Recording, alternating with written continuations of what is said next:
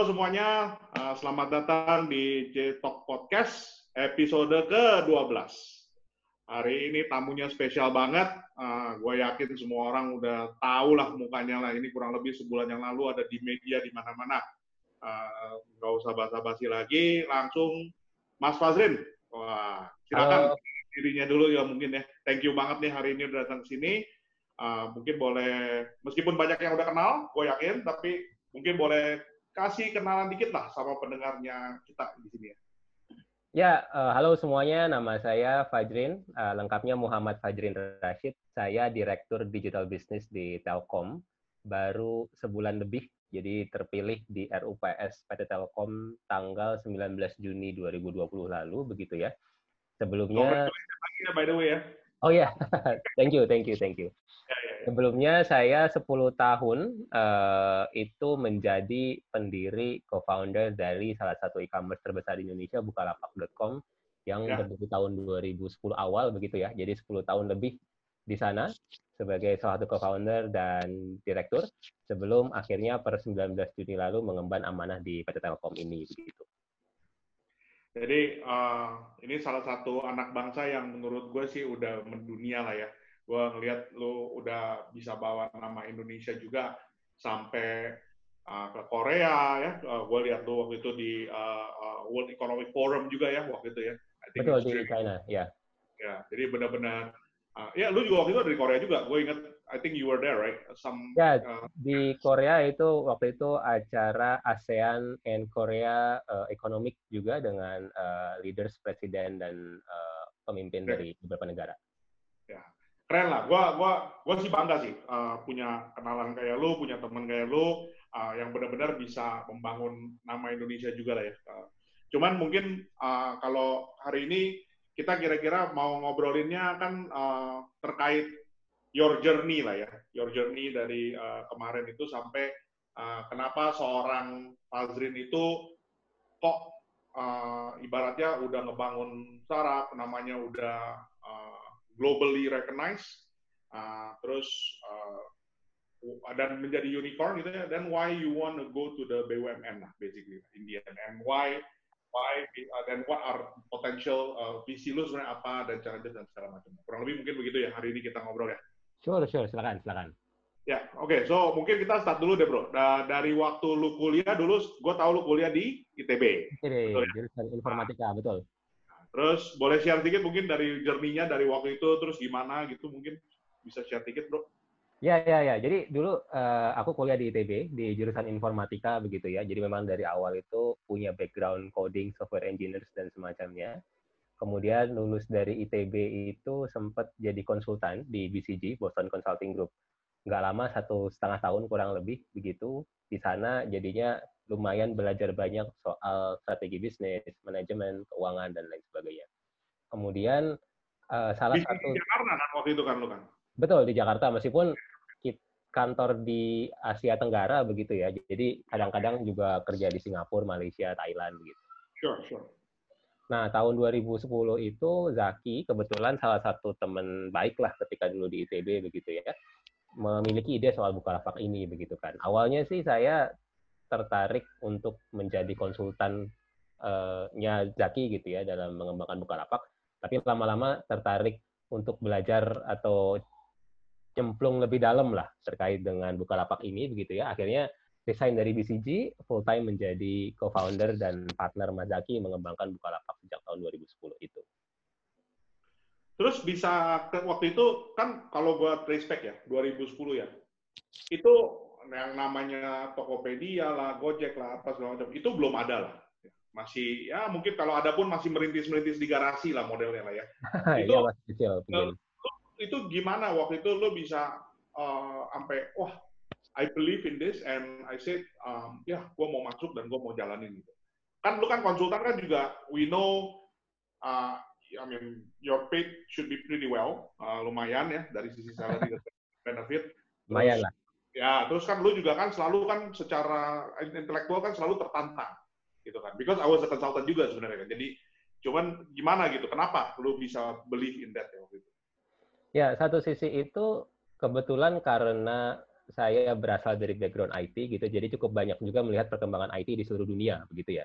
Jadi kita melihat di dunia itu di Amerika, di China, e-commerce tuh booming lah, tumbuh pesat begitu kan. Tapi di Indonesia belum ada. Sehingga satu sisi saya mungkin memperkirakan bahwa oh mungkin e-commerce akan berkembang gitu kan. Sehingga kalau misalkan kita melihat bisnis apa yang potensial di Indonesia ke depannya, salah satunya mungkin e-commerce. Itu yang pertama. Yang kedua, kalau kita bicara soal konsultan, satu sisi memang dia pekerjaan yang sangat menarik begitu ya, memberikan advice ya. bagi eh, perusahaan-perusahaan besar begitu kan.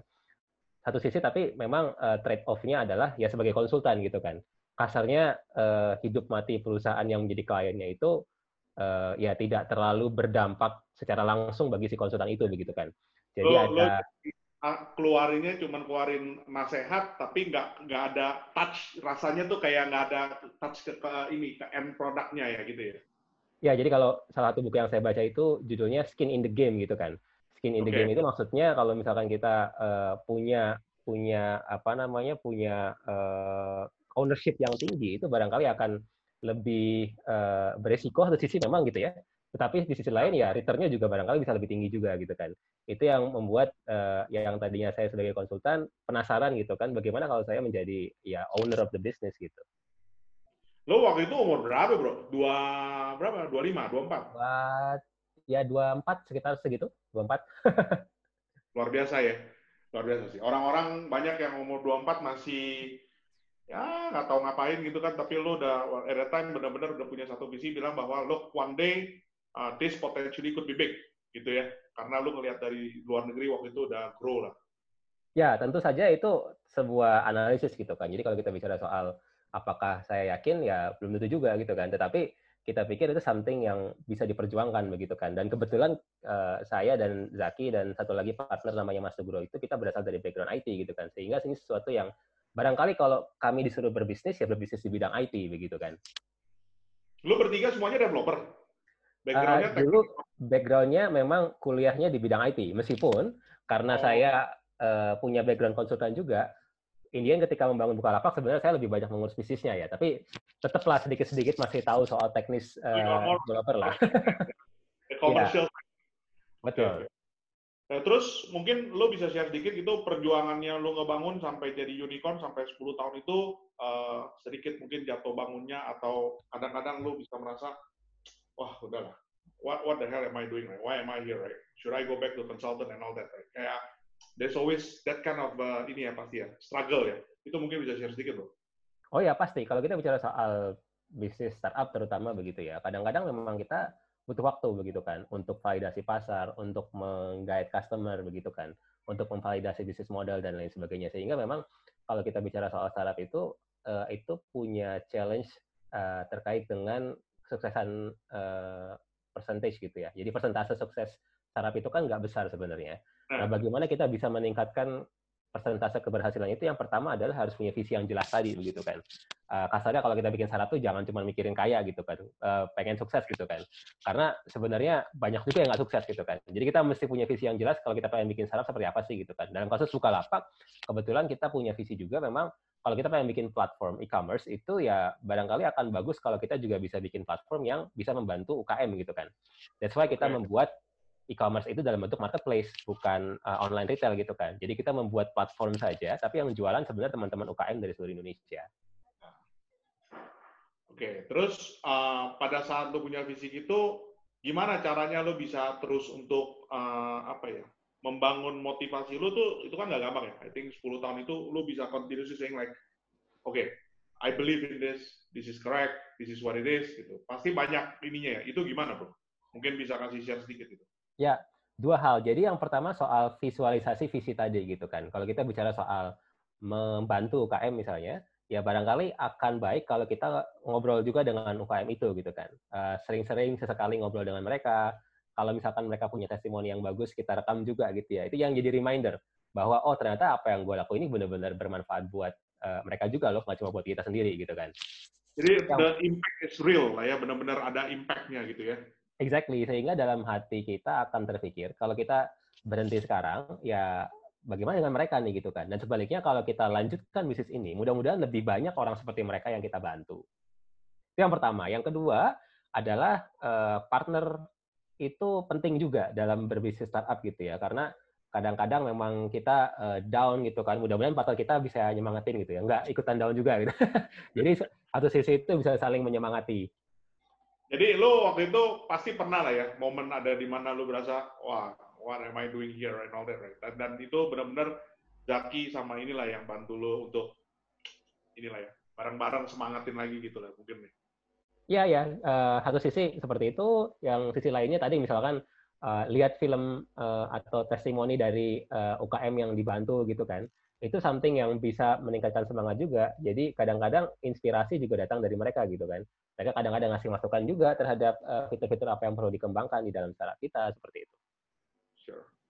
Terus uh, lu kan jalan nih belum bangun terus jatuh bangun dan lain dan kompetisi juga masuk ya. Itu kan belakangan uh, e-commerce is like uh, bloody back business ya.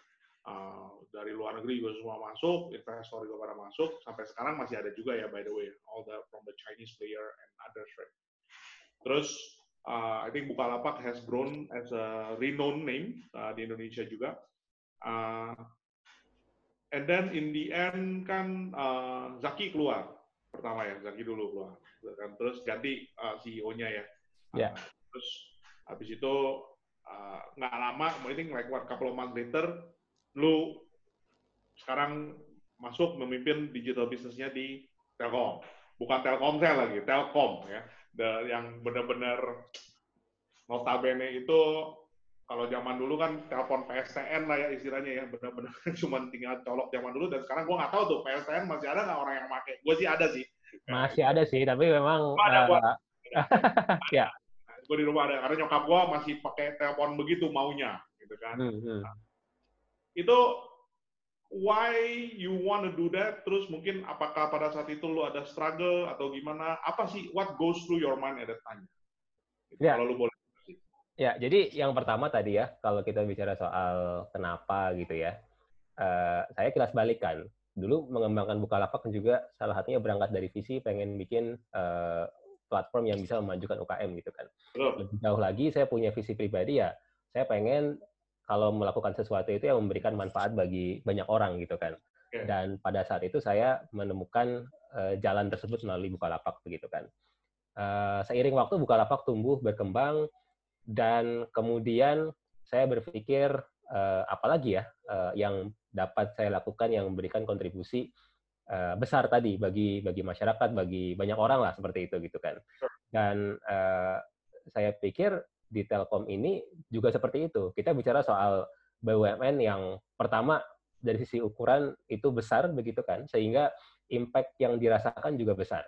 Kita bicara soal tahun lalu ya 2019 ya. itu kita memberikan uh, dividen bagi negara itu 9 triliun rupiah di Telkom. Itu kan something yang sangat sangat-sangat besar gitu ya, sangat-sangat impactful. Apa yang kita lakukan itu bisa memberikan manfaat bagi bangsa ini bahkan gitu kan. Itu yang yang kemudian merasa bahwa saya merasa bahwa ini something yang memang uh, barangkali bisa menjadi jalan bagi saya berkontribusi.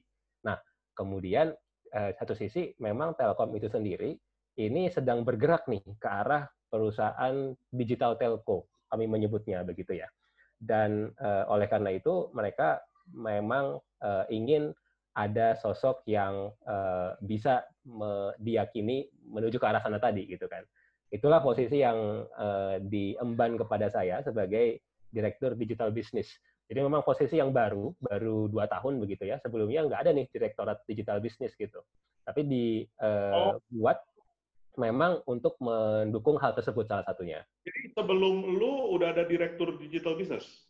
Ada satu ada satu tahun begitu ya. Uh, sebelum itu belum ada begitu. Oke, bukan jabatan baru dibuat pada saat lu ditunjuk lah, bukan lah berarti ya?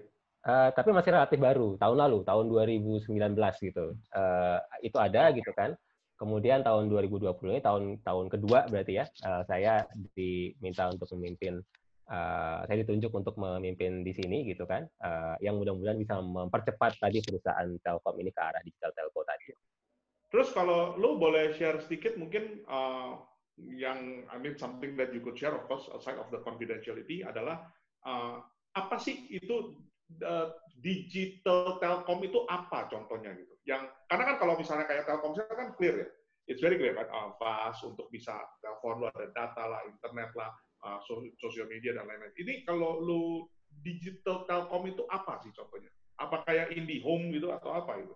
Ya jadi begini, Telkom memang selama ini dikenal sebagai perusahaan telco gitu ya, Telkom Group lah, dia termasuk juga di antara Telkomsel dan lain-lain. Uh, dikenal sebagai perusahaan telco itu kalau kami menyebutnya perusahaan yang bergerak di bidang connectivity begitu ya. Kita bicara yeah. soal uh, broadband atau 4G gitu ya, uh, baik itu yang fixed line melalui IndiHome misalnya atau yang melalui mobile katakanlah melalui Telkomsel gitu kan. Itu connectivity. Belakangan kita sebut sebagai digital connectivity. Uh, tapi kita melihat bahwa ke depan ini rasanya Telkom perlu juga main di atasnya. Atasnya itu apa? Uh, atasnya digital connectivity itu adalah apa yang kami sebut sebagai digital platform. Digital platform ini sebagai contoh uh, data center, cloud, big data, IoT dan semacamnya. Ini Jadi yang lo kayak, main kayak AWS gitulah ya, semacam kayak AWS. Salah satunya itu data center dan lain-lain. Ini sebenarnya Telkom sudah sudah sudah bermain di sini, tetapi mungkin belum sekuat yang yang bawah tadi gitu ya connectivity gitu kan. Nah, lebih jauh lagi, di atasnya platform ada lagi digital service atau mungkin kita banyak yang menyebutnya sebagai OTT gitu. Nah, jadi eh, salah satu peran yang diharapkan dari Direktorat Digital Business adalah untuk mempercepat akselerasi di atas tadi yang tengah yang digital platform dan juga digital service. Oke. Nah, kalau kayak begitu tuh uh, ilmu yang lu bawa dari Bukalapak itu relevan nggak sih untuk bisa ngebangun ke sini gitu?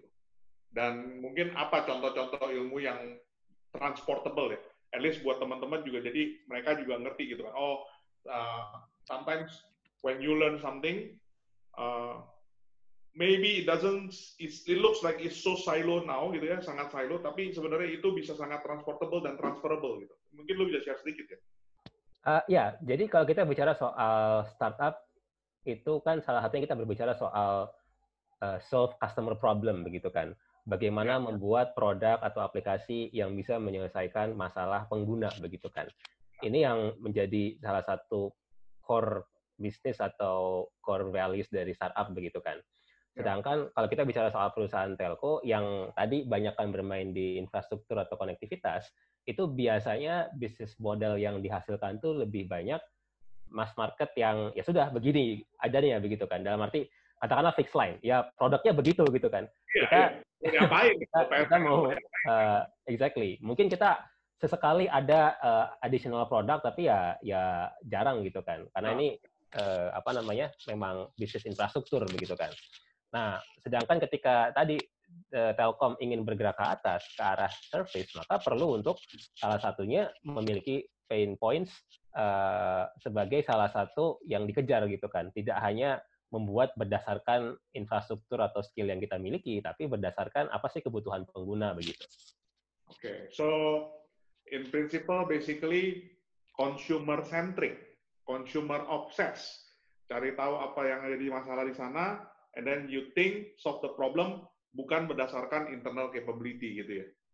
Betul, salah satunya begitu. Again, sebenarnya di Telkom uh, sudah ada seperti itu, tetapi ya barangkali mungkin bagaimana peran saya bisa mempercepat hal tersebut gitu ya menjadi sesuatu yang itu benar-benar diimplementasi uh, di seluruh grup begitu. Nah, tantangannya gimana tuh bro di dalam bro? Well, I'm I, I'm sure uh, in Telkom uh, banyakkan kolonial daripada milenial nih, ya. Ya. Uh, seorang milenial uh, yang datang gitu kan dari dunia startup yang biasa main gerabak rubuk gitu ya langsung duduk-duduk pokoknya uh, very uh, comfortable sama ambiguity uh, risk taker gitu kan yang ayo hajar jalan gitu kan yang penting jadi dulu keluar produk udah prototipe dulu yang model begitu kan tuh mindsetnya ya I'm sure you were like that before karena gue juga pernah di startup juga modelnya dan suddenly now you come into a company yang udah for like donkey years, bertahun-tahun berdiri, nggak bakalan bisa digoyang punya, PSTN punya gue, gue monopoli, uh, terus uh, ya itu dan orang-orang sana gue yakin lumayan yakin juga ya like I said right colonials yang udah bertahun-tahun lah kerja. Nah itu itu gimana? Lu lu bisa challenges-nya tuh gimana gitu? Ya me memang tantangan paling utama adalah uh, perbedaan culture tadi begitu ya ini akan berpengaruh ke SOP dan lain sebagainya gitu kan. Pertama, tidak semua hal yang dilakukan di perusahaan saya sebelumnya juga pasti itu yang terbaik di perusahaan ini juga begitu kan. Karena situasinya berbeda gitu. Situasi nah. bisnis dan lain sebagainya berbeda sehingga challenge-nya adalah mengkombinasikan sebenarnya dari perusahaan saya sebelumnya apa sih yang baik-baik gitu kan uh, dan disesuaikan dengan yang baik-baik yang sudah ada di sini juga gitu kan itu itu yang pertama. Yang kedua adalah kalau misalkan itu bisa saya lakukan secara langsung sebagai contoh gitu kan uh, itu ya saya coba terapkan. Tetapi ada juga tadi saya katakan sebagai contoh SOP gitu ya. SOP SOP yang meskipun saya sebagai direktur tidak bisa langsung saya terapkan karena membutuhkan misalkan persetujuan dari direktur yang lain atau bahkan uh, membutuhkan persetujuan komisaris. Nah ini berarti kan perlu saya diskusikan lah ya dengan uh, teman-teman direksi yang lain atau bahkan bapak-bapak komisaris gitu kan. Sebagai hmm. contoh ada satu hal yang ini lucu juga lah uh, nggak apa-apa lah saya share di sini. Ada salah satu direct report saya gitu ya, title-nya hmm. A, uh, tapi job desk-nya B gitu. Antara title dan job desk itu beda gitu kan. Yeah. Tanya kenapa? Uh, oh karena untuk mengubah title itu harus persetujuan komisaris. Sebagai contoh begitu. Jadi saya pikir, oh ya udahlah. Sangat uh, birokratis ya, sangat birokratis lah. Ya itu salah satu contoh gitu kan. Uh, tapi sebenarnya ada juga SOP-SOP lain yang lagi-lagi uh, ternyata dari sisi Telkom sendiri itu memang sudah uh, merasa penting untuk itu diubah begitu ya sehingga sudah sudah ketika saya masuk sudah ada peraturan terkait hal tersebut. Sebagai contoh begini, uh, tribe dan squad itu kan sangat-sangat uh, startup banget lah ya. Uh, ya. di Bukalapak dan uh, beberapa startup atau unicorn lain setahu saya itu menerapkan konsep tribe dan squad. Ternyata di uh, Telkom pun sudah mulai diterapkan seperti itu. Jadi di oh, ya. dalam ya. tim saya itu ada yang uh, apa namanya ada yang uh, memiliki struktur tribe dan squad. Meskipun memang tidak sefleksibel di Bukalapak lah ya. Misalnya yang mana kalau misalkan saya pengen ngubah tribe atau ngubah squad secara langsung minggu depan saya ubah, saya ubah gitu kan. Untuk ini mungkin butuh ada SOP untuk pembentukan squad atau tribe baru. Tapi artinya spirit atau semangat itu sudah ada. Eh, tinggal lagi-lagi bagaimana saya bisa mempercepat dan mengakselerasi hal tersebut. So, berarti kalau gue bilang, satu, lu nggak bisa copas lah lu nggak bisa copy paste lah ya. Jadi benar-benar lu ngelihat best practice dan mencoba membalance dan melihat bagaimana bisa jalanin lah ya. Uh, terus yang kedua, basically kalau gua ngelihat berarti uh, you need to get buy-ins dari stakeholders juga ya, to implement something different itu karena kan kadang-kadang kan tergantung SOP-nya tuh bisa dari direktur lain atau bisa sampai komisaris ya, tadi kayak lo bilang lah. So need to get buy-ins and clear impact if we were to do this sebenarnya benefitnya apa gitu ya, kurang lebih begitu ya. Kalau Betul. Jadi jadi memang kita juga mesti menavigasi gitu kan uh, bagaimana di uh, perusahaan yang besar sekali ini gitu ya. Uh, by the way ada 20 ribu lebih karyawan termasuk anak perusahaan di dalam Telkom ini gitu kan. Uh, Departemen ya. lu ada berapa bro? Kurang di lebih. Bro. saya itu seribu lebih. Jadi di bawah seribu saya orang. itu seribu lebih, ya. Uh, belum termasuk anak perusahaan yang ada di bawah saya juga. Jadi uh, karena kan Telkom itu ada, saya lupa persisnya ya, uh, lebih dari 40 anak dan cucu perusahaan. Jadi uh, Tapi Telkom di atas kan? Telkom udah paling parent paling atas. Uh, kita ya, langsung di atas kita shareholders pemerintah gitu ya. Pemerintah ya. kan, Kementerian BUMN kan itu kan. Uh, di istilahnya diwakili atau di uh, ya di apa namanya di uh, PIC-nya adalah Kementerian BUMN. Tapi yeah. in reality ya pemerintah lah gampangnya gitu lah ya. Jadi kayak, yeah. kayak tadi misalkan kita ngasih dividen nih, ya dividen itu artinya masuk ke penerima negara begitu. Oke. Okay. menarik sih, menarik sih. Tapi so far um, lo ngelihat, uh, gue tau lah baru satu bulan lah ya, and uh, mungkin I don't know right. Tapi lo ngerasa uh, do you have that struggle dari lo gitu dan kalau uh, untuk bisa mengadapt dan kalau memang lo ada struggle gitu, uh, how uh, how basically you remind yourself and saying like, look, uh, this is something that I want to do. Atau sama prinsipnya kayak yang tadi gitu, dengan visi tadi atau gimana, bro? Ya, jadi uh, agak terkait dengan buy-in tadi gitu ya. Kita juga mesti memang pinter-pinter juga ngelihat sebaliknya dalam arti apa sih yang diharapkan dari direktur lain gitu ya, dari direktur utama atasan saya gitu kan, dari komisaris, uh, dari stakeholders dalam hal ini Kementerian BUMN misalnya uh, belum lagi ada ada DPR, regulator dan lain-lain gitu ya. Uh, Lebih ribet lagi ya, benar juga loh. Ya, jadi jadi uh, bagaimana memanage ekspektasi dan uh, aspirasi dari masing-masing tadi gitu kan. Dan yang kedua, mengkomunikasikan dengan baik masing-masing aspirasi tersebut itu uh, bagaimana kita menyikapinya gitu kan. Apakah kita misalkan menyampaikan, oke okay, Pak, uh, Bapak punya aspirasi itu kita lakukan Uh, tapi butuh waktu Pak, kira-kira katakanlah tiga bulan, enam bulan atau bagaimana gitu kan. Yang penting seperti itu. Jadi di tengah di tengah banyak sekali aspirasi ini kan uh, itu kan nggak mungkin semuanya beres satu bulan gitu kan. Uh, jadi yang yang penting bagaimana mengkomunikasikan itu, mana yang menjadi quick wins di quarter ini misalnya, mana yang butuh waktu, uh, tapi kita tetap komunikasikan. Ini menarik nih, karena kan itu kan background consultant juga, ya. Kan? Yeah jadi a lot of times kalau gue reflect back maybe like your 10 years ago atau ya 10 years ago ya roughly lah ya 10 12 years ago konsultan itu kan selalu kayak dilihat uh, apa the shining knight uh, with the armors gitu kan ya. Jadi benar-benar begitu kalau orang bilang ini perusahaan lagi sakit, gue terjunin konsultan harus langsung sembuh dong. Solve every problem that they have. Gitu ya. Itu kan persepsinya yeah, yeah. orang kan begitu kan bahwa uh, you need to solve any problem under the sun lah, basically lah. Dan nggak semuanya gitu. Dan dalam waktu singkat gitu. Dan biasanya konsultan kan kalau di deploy kan cuma ya sebulan, dua bulan, atau tiga minggu, atau whatever. Right?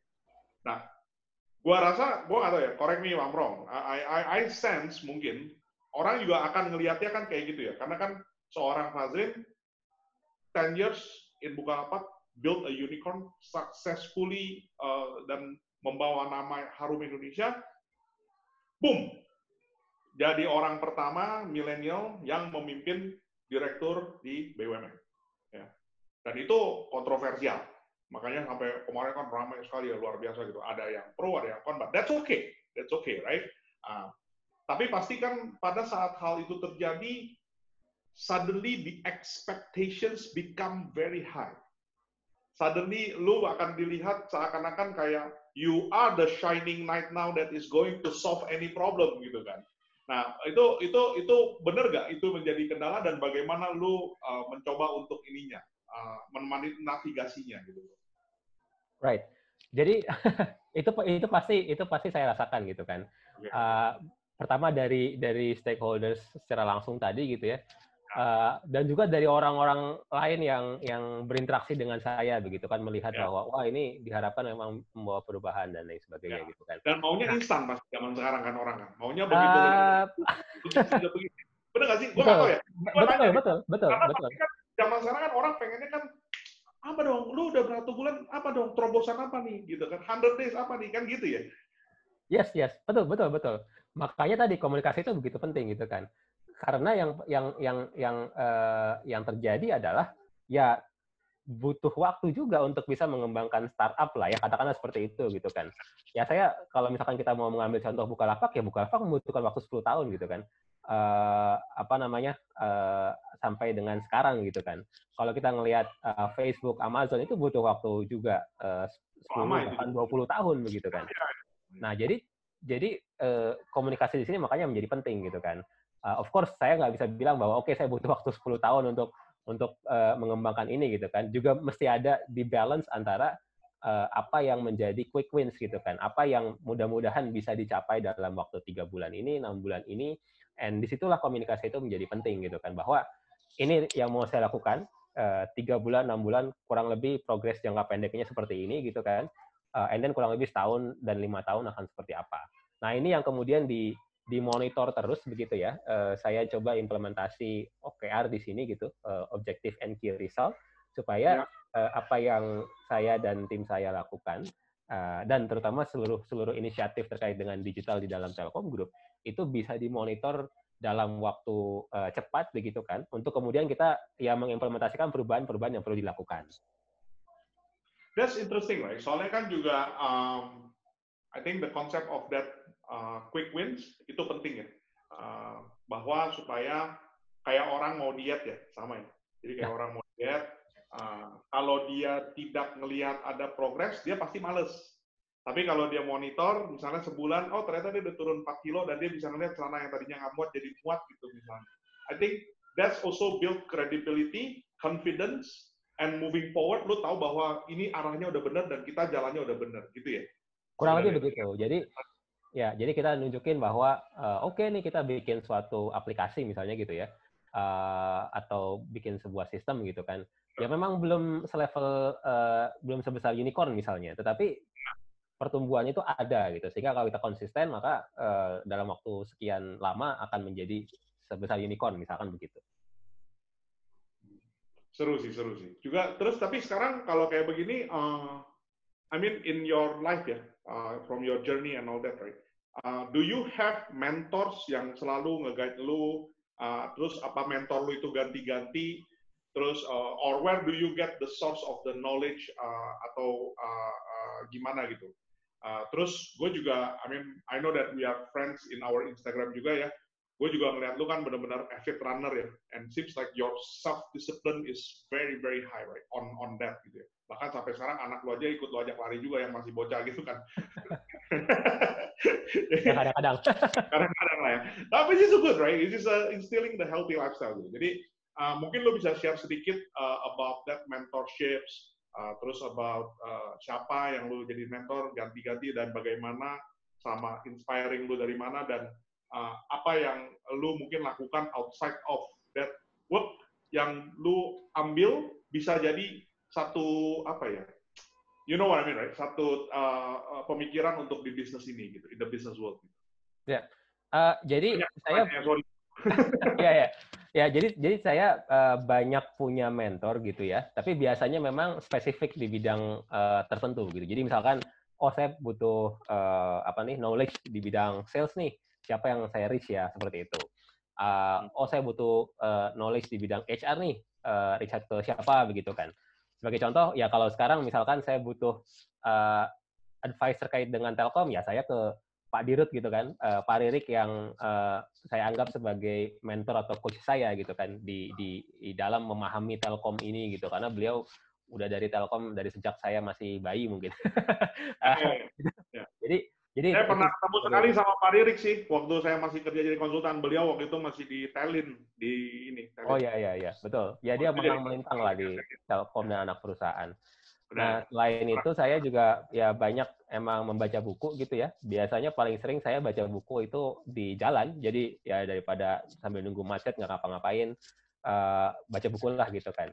Seperti itu. Dan yang dua tiga tahun saya terakhir saya lakukan itu ya lari gitu. Ini juga sama sarana buat uh, saya sambil lari itu bisa sambil entah dengerin musik, entah uh, nonton film kalau larinya di treadmill gitu ya, atau uh, sekedar berkontemplasi, c. Misalkan kalau lagi lari di mana gitu kan, di daerah yang pinggir pantai mana-mana kan bisa sambil melihat dan uh, mempelajari alam, c. Interesting. Lu, lu bisa mungkin biasanya buku-buku apa bro yang lu suka baca tuh bro? Uh, lumayan ya. atau yang technical skill atau apa yang biasanya lo baca? Lumayan beragam ya. Eh, personal development itu lumayan sering gitu kan. Kemudian terkait dengan uh, ekonomi, bisnis itu juga uh, lumayan juga beberapa gitu ya. Kemudian terkait dengan spesifik uh, things yang uh, aku interest, contohnya satu tahun terakhir aku interest dengan AI gitu ya, artificial intelligence. Jadi lumayan banyak baca-baca terkait dengan itu, uh, kayak yang Life 3.0 uh, itu salah satu buku yang terkait dengan AI yang saya suka tuh. Uh, dan ya lumayan banyak sih uh, ilmu-ilmu lainnya.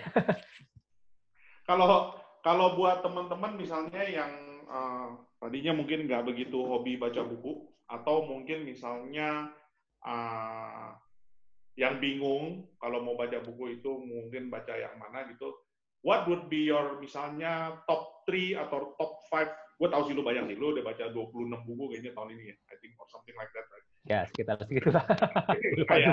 ya.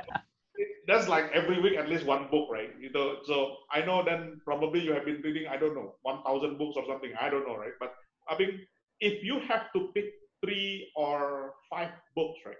Yang mungkin kalau buat teman-teman yang uh, mau baca atau ini dan uh, cukup light untuk pemula gitu, tapi menarik atau gimana bisa nambah ilmu itu would you what would you recommend? Uh, buku itu kadang-kadang ada recency bias gitu ya. Kita recency bias itu maksudnya kita ingat buku yang terakhir-terakhir kita baca gitu kan, karena uh, nendang gitu kan. Jadi mungkin yang saya kepikir itu yang belakangan saya baca gitu ya, yang belakangan tapi bagus lah ya istilahnya gitu. Itu uh, pertama contagious, uh, contagious itu contagious why things catch on. Uh, saya lupa pengarangnya siapa gitu ya, tapi itu contagious uh, contagious why things catch on. Oh, oke. Okay. Why things catch on. Oke. Okay. Ya, uh, ini tentang ide atau uh, strategi yang yang viral tuh yang seperti apa sih gitu ya? Apakah yang story-nya bagus? Apakah yang memiliki uh, apa namanya? memiliki trigger dan lain sebagainya. Itu yang pertama. Yang kedua mungkin uh, factfulness.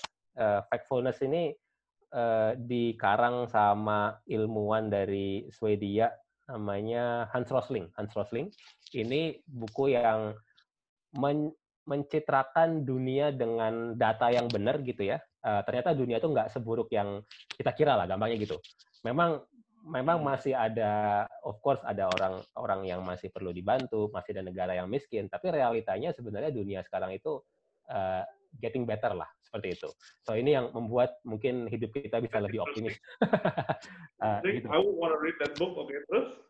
Ya, Contohnya contohnya satu satu hal yang yang di factfulness itu gitu ya, yang yang yang menarik adalah uh, kalau kita ngelihat sebenarnya di seluruh dunia ini katakanlah gitu ya, berapa persen sih uh, negara yang uh, orangnya itu uh, penduduknya lah ya, uh, itu berhasil sampai ke pendidikan tinggi gitu.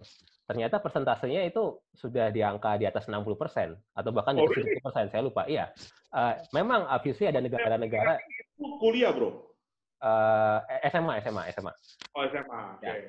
Okay. Memang, memang, of course masih ada negara-negara yang uh, perlu dibantu gitu kan. Tapi uh, ini statistik yang jauh lebih tinggi dibandingkan 20 tahun lalu katakanlah gitu. So, so the world is getting better. Although uh, kasarnya gini, getting better tuh ya dari 4 ke 5 gitu ya. Tapi oh, getting better gitu kan. Relatively kalau, better. Ya, itu better tapi gitu kan. Masih, masih, masih banyak. Kurang. Uh -uh. Tapi artinya kalau kita kalau kita konsisten, ya mudah-mudahan dalam 10-20 tahun ya jadi 6, jadi 7, jadi 8 gitu kan. Kurang lebih sih gitu sih. Wah, oke, okay. seru sih. Uh, jadi lu ada cerita-cerita yang tadi kalau kayak buku gitu ya. Uh, sekarang mungkin gini bro, uh, kembali ya kalau kita ke uh, sekarang lu kan di Telkom nih udah sebulan ya, uh, terus lu punya seribu orang lah uh, yang ada sekarang belum termasuk anak usahanya dan segala macam. Um, pasti lu akan butuh orang untuk ngebantuin lu, ya, untuk bisa mengakselerasi ini semua gitu kan, untuk bisa mempercepat ini semua. Ya. Uh, bener gak bro? Bener ya? Oh bener bener pasti. Oke oke oke. Nah jadi mungkin lu bisa share sedikit ya uh, skills-skills yang uh, untuk orang-orang yang pengen masuk ke bidang digital ini terutama misalnya specifically Intelkom itu yang kayak gimana gitu skill-skillsnya? Ya, jadi uh, bener banget. Jadi kalau kita bicara soal Telkom ke depan dengan visi menjadi digital telco tadi begitu, maka kita sudah identify ke depan itu Telkom memang perlu menggait talent di bidang digital juga begitu kan. Apa yang kita sebut sebagai digital talent. Nah, ini hmm. akan dilakukan melalui dua hal. Yang pertama adalah upgrade existing employees gitu ya karyawan yang sudah ada sekarang kita latih bagaimana biar memiliki skill-skill di bidang digital. Tapi tentu saja kami juga terbuka untuk talent-talent di luar yang ingin uh, istilahnya bergabung juga dengan dengan Telkom gitu untuk untuk membawa atau membantu Telkom mencapai digital telco tadi. Sure. Tapi skill-skillnya kira-kira kayak apa, bro? Maksudnya lebih yang misalnya seseorang yang kayak data scientist kah, atau lebih ke UI UX kah, atau lebih ke project management kah, atau anything? related to that or whatever gitu atau gimana tuh? Anything, anything. Jadi ya yang yang lu, yang lu bilang tadi gitu ya, uh, semua adalah gitu kan, product manager, data scientist, UI UX, software engineer, uh, sampai yang yang yang advance gitu, uh, yang AI dan lain sebagainya itu juga ada juga gitu. Jadi uh, memang memang dalam rangka mendukung uh, Telkom menuju ke arah digital telco tadi itu kita memang uh, sangat membutuhkan talent. Jadi itu kita kita memiliki framework yang kita sebut sebagai uh, build, buy, and borrow. Build itu tadi kita kita build in, uh, internal talent gitu kan, uh, atau borrow misalkan kita partnership lah ya uh, dengan dengan partner uh, perusahaan lain gitu kan, atau buy kita invest atau uh, akuisisi perusahaan. Kita kan juga ada ya inisiatif inisiatif-inisiatif untuk berinvestasi atau akuisisi perusahaan-perusahaan atau startup gitu. Terus kayak lu ini sekarang ini satu lagi ya, mungkin sebelum gua tanya terakhir ya, um, because it suddenly come to my mind, right? Lu ada influence untuk uh, atau ada bantu bikin uh, kurikulum di Telkom University nggak sih? Karena kan itu juga penting ya. It's part of your uh, preparing the pipeline untuk ke sini ya.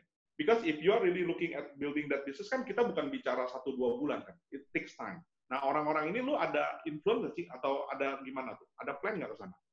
Ada. Jadi uh, memang kalau kita bicara soal digital talent tadi itu, ini koordinasi bareng antara aku, Digital Business Director, dengan Direktur uh, Human Capital di Telkom oh, gitu ya. Bagaimana betul? Bagaimana pertama kita mendefine tadi skill set yang dibutuhkan dan kemudian di uh, dalamnya atau di bawahnya ya kemudian training atau uh, kurikulum seperti apa yang dibutuhkan gitu kan. Oke, okay. good. So last questions um, uh, sebelum ini, uh, buat teman-teman nih pendengar kita uh, yang nonton juga, gue yakin banyak lah yang I think today you shared uh, so many uh, homework including for me untuk kita belajar untuk bisa mengembangkan diri dan lain-lain. Uh, tapi kalau lu kasih a few key takeaways buat teman-teman yang beraspirasi ya uh, uh, untuk jadi kayak lu, uh, untuk bisa the the next Fazrin lah in the next five years, ten years, twenty years, I don't know, right? Uh, apa kira-kira yang lu bisa simpulkan gitu, mungkin dari kita ngobrol hari ini, Bu? Ya, pertama, pertama posisi saya sendiri itu posisi yang tentu saja saya uh, belum bisa dibilang sukses lah ya. Di sini saya masih baru. Aku humble ini lu. uh, tapi tapi tapi mungkin kalau saya boleh memberikan masukan lah ya ke ke teman-teman semua uh, pendengar yang pertama fokus ke tujuan tadi, fokus ke big picture, fokus ke why. Apa sih yang pengen dicari? Apa sih yang pengen uh, tujuan besar yang diinginkan gitu kan? Uh, mudah-mudahan nggak cuma sekedar uh, pengen kaya atau pengen sukses tadi gitu ya. Itu uh, nice side effect lah gitu ya. Artinya kalau kalau teman ya. betul itu uh, itu adalah by product atau sampingan yang kalau misalkan teman-teman mencapai tujuan besar tadi begitu ya, maka itu insya Allah akan mengikuti gitu kan. Sure. Jadi kalau kalau teman-teman pengen bikin startup tadi misalnya gitu ya, uh, ya jangan pengen kaya tapi pengen bikin start, bikinlah startup misalkan untuk membantu teman-teman petani gitu kan. Uh, hmm. Ketika teman-teman berhasil membantu ratusan ribu atau jutaan petani maka ya teman-teman akan sukses gitu kan. Itu yeah. yang yang yang saya yang saya uh, berikan masukan entah itu teman-teman yang berkarir di bidang mengembangkan startup atau uh, bekerja pun nggak ada masalah gitu kan. Lagi-lagi bekerja uh, lihat tadi kan uh, bagaimana big picture-nya dan mudah-mudahan apa yang teman-teman kerjakan itu sedikit banyak uh, berada di koridor atau jalan yang benar sesuai dengan visi tadi gitu kan. Nah dari situ be flexible. Artinya apa? Artinya kalau misalkan gini, teman-teman pengen jadi uh, direktur Telkom nih gitu ya. Kemudian at some point of time teman-teman ditawari jadi direktur BUMN lain gitu kan, bukan Telkom misalnya gitu kan uh, ya barangkali kalau misalkan itu masih dalam koridor ya ya terima saja gitu kan. Sure. uh, jangan jangan terlalu kaku dengan tujuan yang yang diinginkan gitu ya be flexible. Sepanjang itu sesuai dengan tujuan besar yang teman-teman inginkan tadi. Very wise. Thank you so much uh, Patrick gue really appreciate your time hari ini. Uh, jadi buat teman-teman yang hari ini udah dengerin Mas Fazrin uh, saya kira ini satu sosok anak muda yang sangat inspiratif ya uh, benar-benar uh, sudah bisa mendobrak uh, stigma uh, bahwa milenials itu nggak bisa sukses karena masih muda dan lain-lain. Terus uh, stigma untuk membangun e-commerce dan visinya itu panjang ya. Uh, dan hatinya sangat mulia ya. I think I really, uh, you are really inspiring me lah hari ini lah. Benar-benar bukan cuma mendengar aja, tapi to, to myself juga. Uh, jadi uh, tentunya gue uh, ucapin uh, congratulations dan sukses uh, terus di uh, uh, jadi di Telkom. Uh, nanti kapan-kapan kita bisa catch up offline when the pandemic start to be uh, ini uh, dan pastinya juga uh, semoga lo bisa bikin Telkom menjadi seksi untuk anak-anak muda yang mau masuk ke digital bisnisnya. Itu penting ya, karena kan. That's my homework. Kenapa? That's my homework. Benar. uh, uh, ya, yeah, I mean, I mean, ya, brand kan itu kan notabene balik lagi brand lama versus yang mungkin startup-startup yang jauh lebih seksi kedengarannya gitu kan. I think that's your biggest homework and I'm sure you will be able to do it. Uh, uh, all the best buat itu. So uh, thank you uh, sekali lagi. Da, buat teman-teman yang uh, udah ngedengerin hari ini, terima kasih banget. Uh, jangan lupa uh, nanti kita juga di episode berikutnya akan ada yang tamu-tamu yang lebih canggih, lebih keren, yang lebih inspiratif.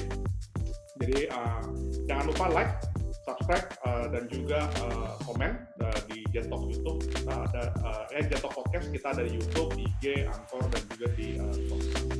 Uh, gitu aja sampai ketemu lagi. Thank you so much guys. Bye. Thank you.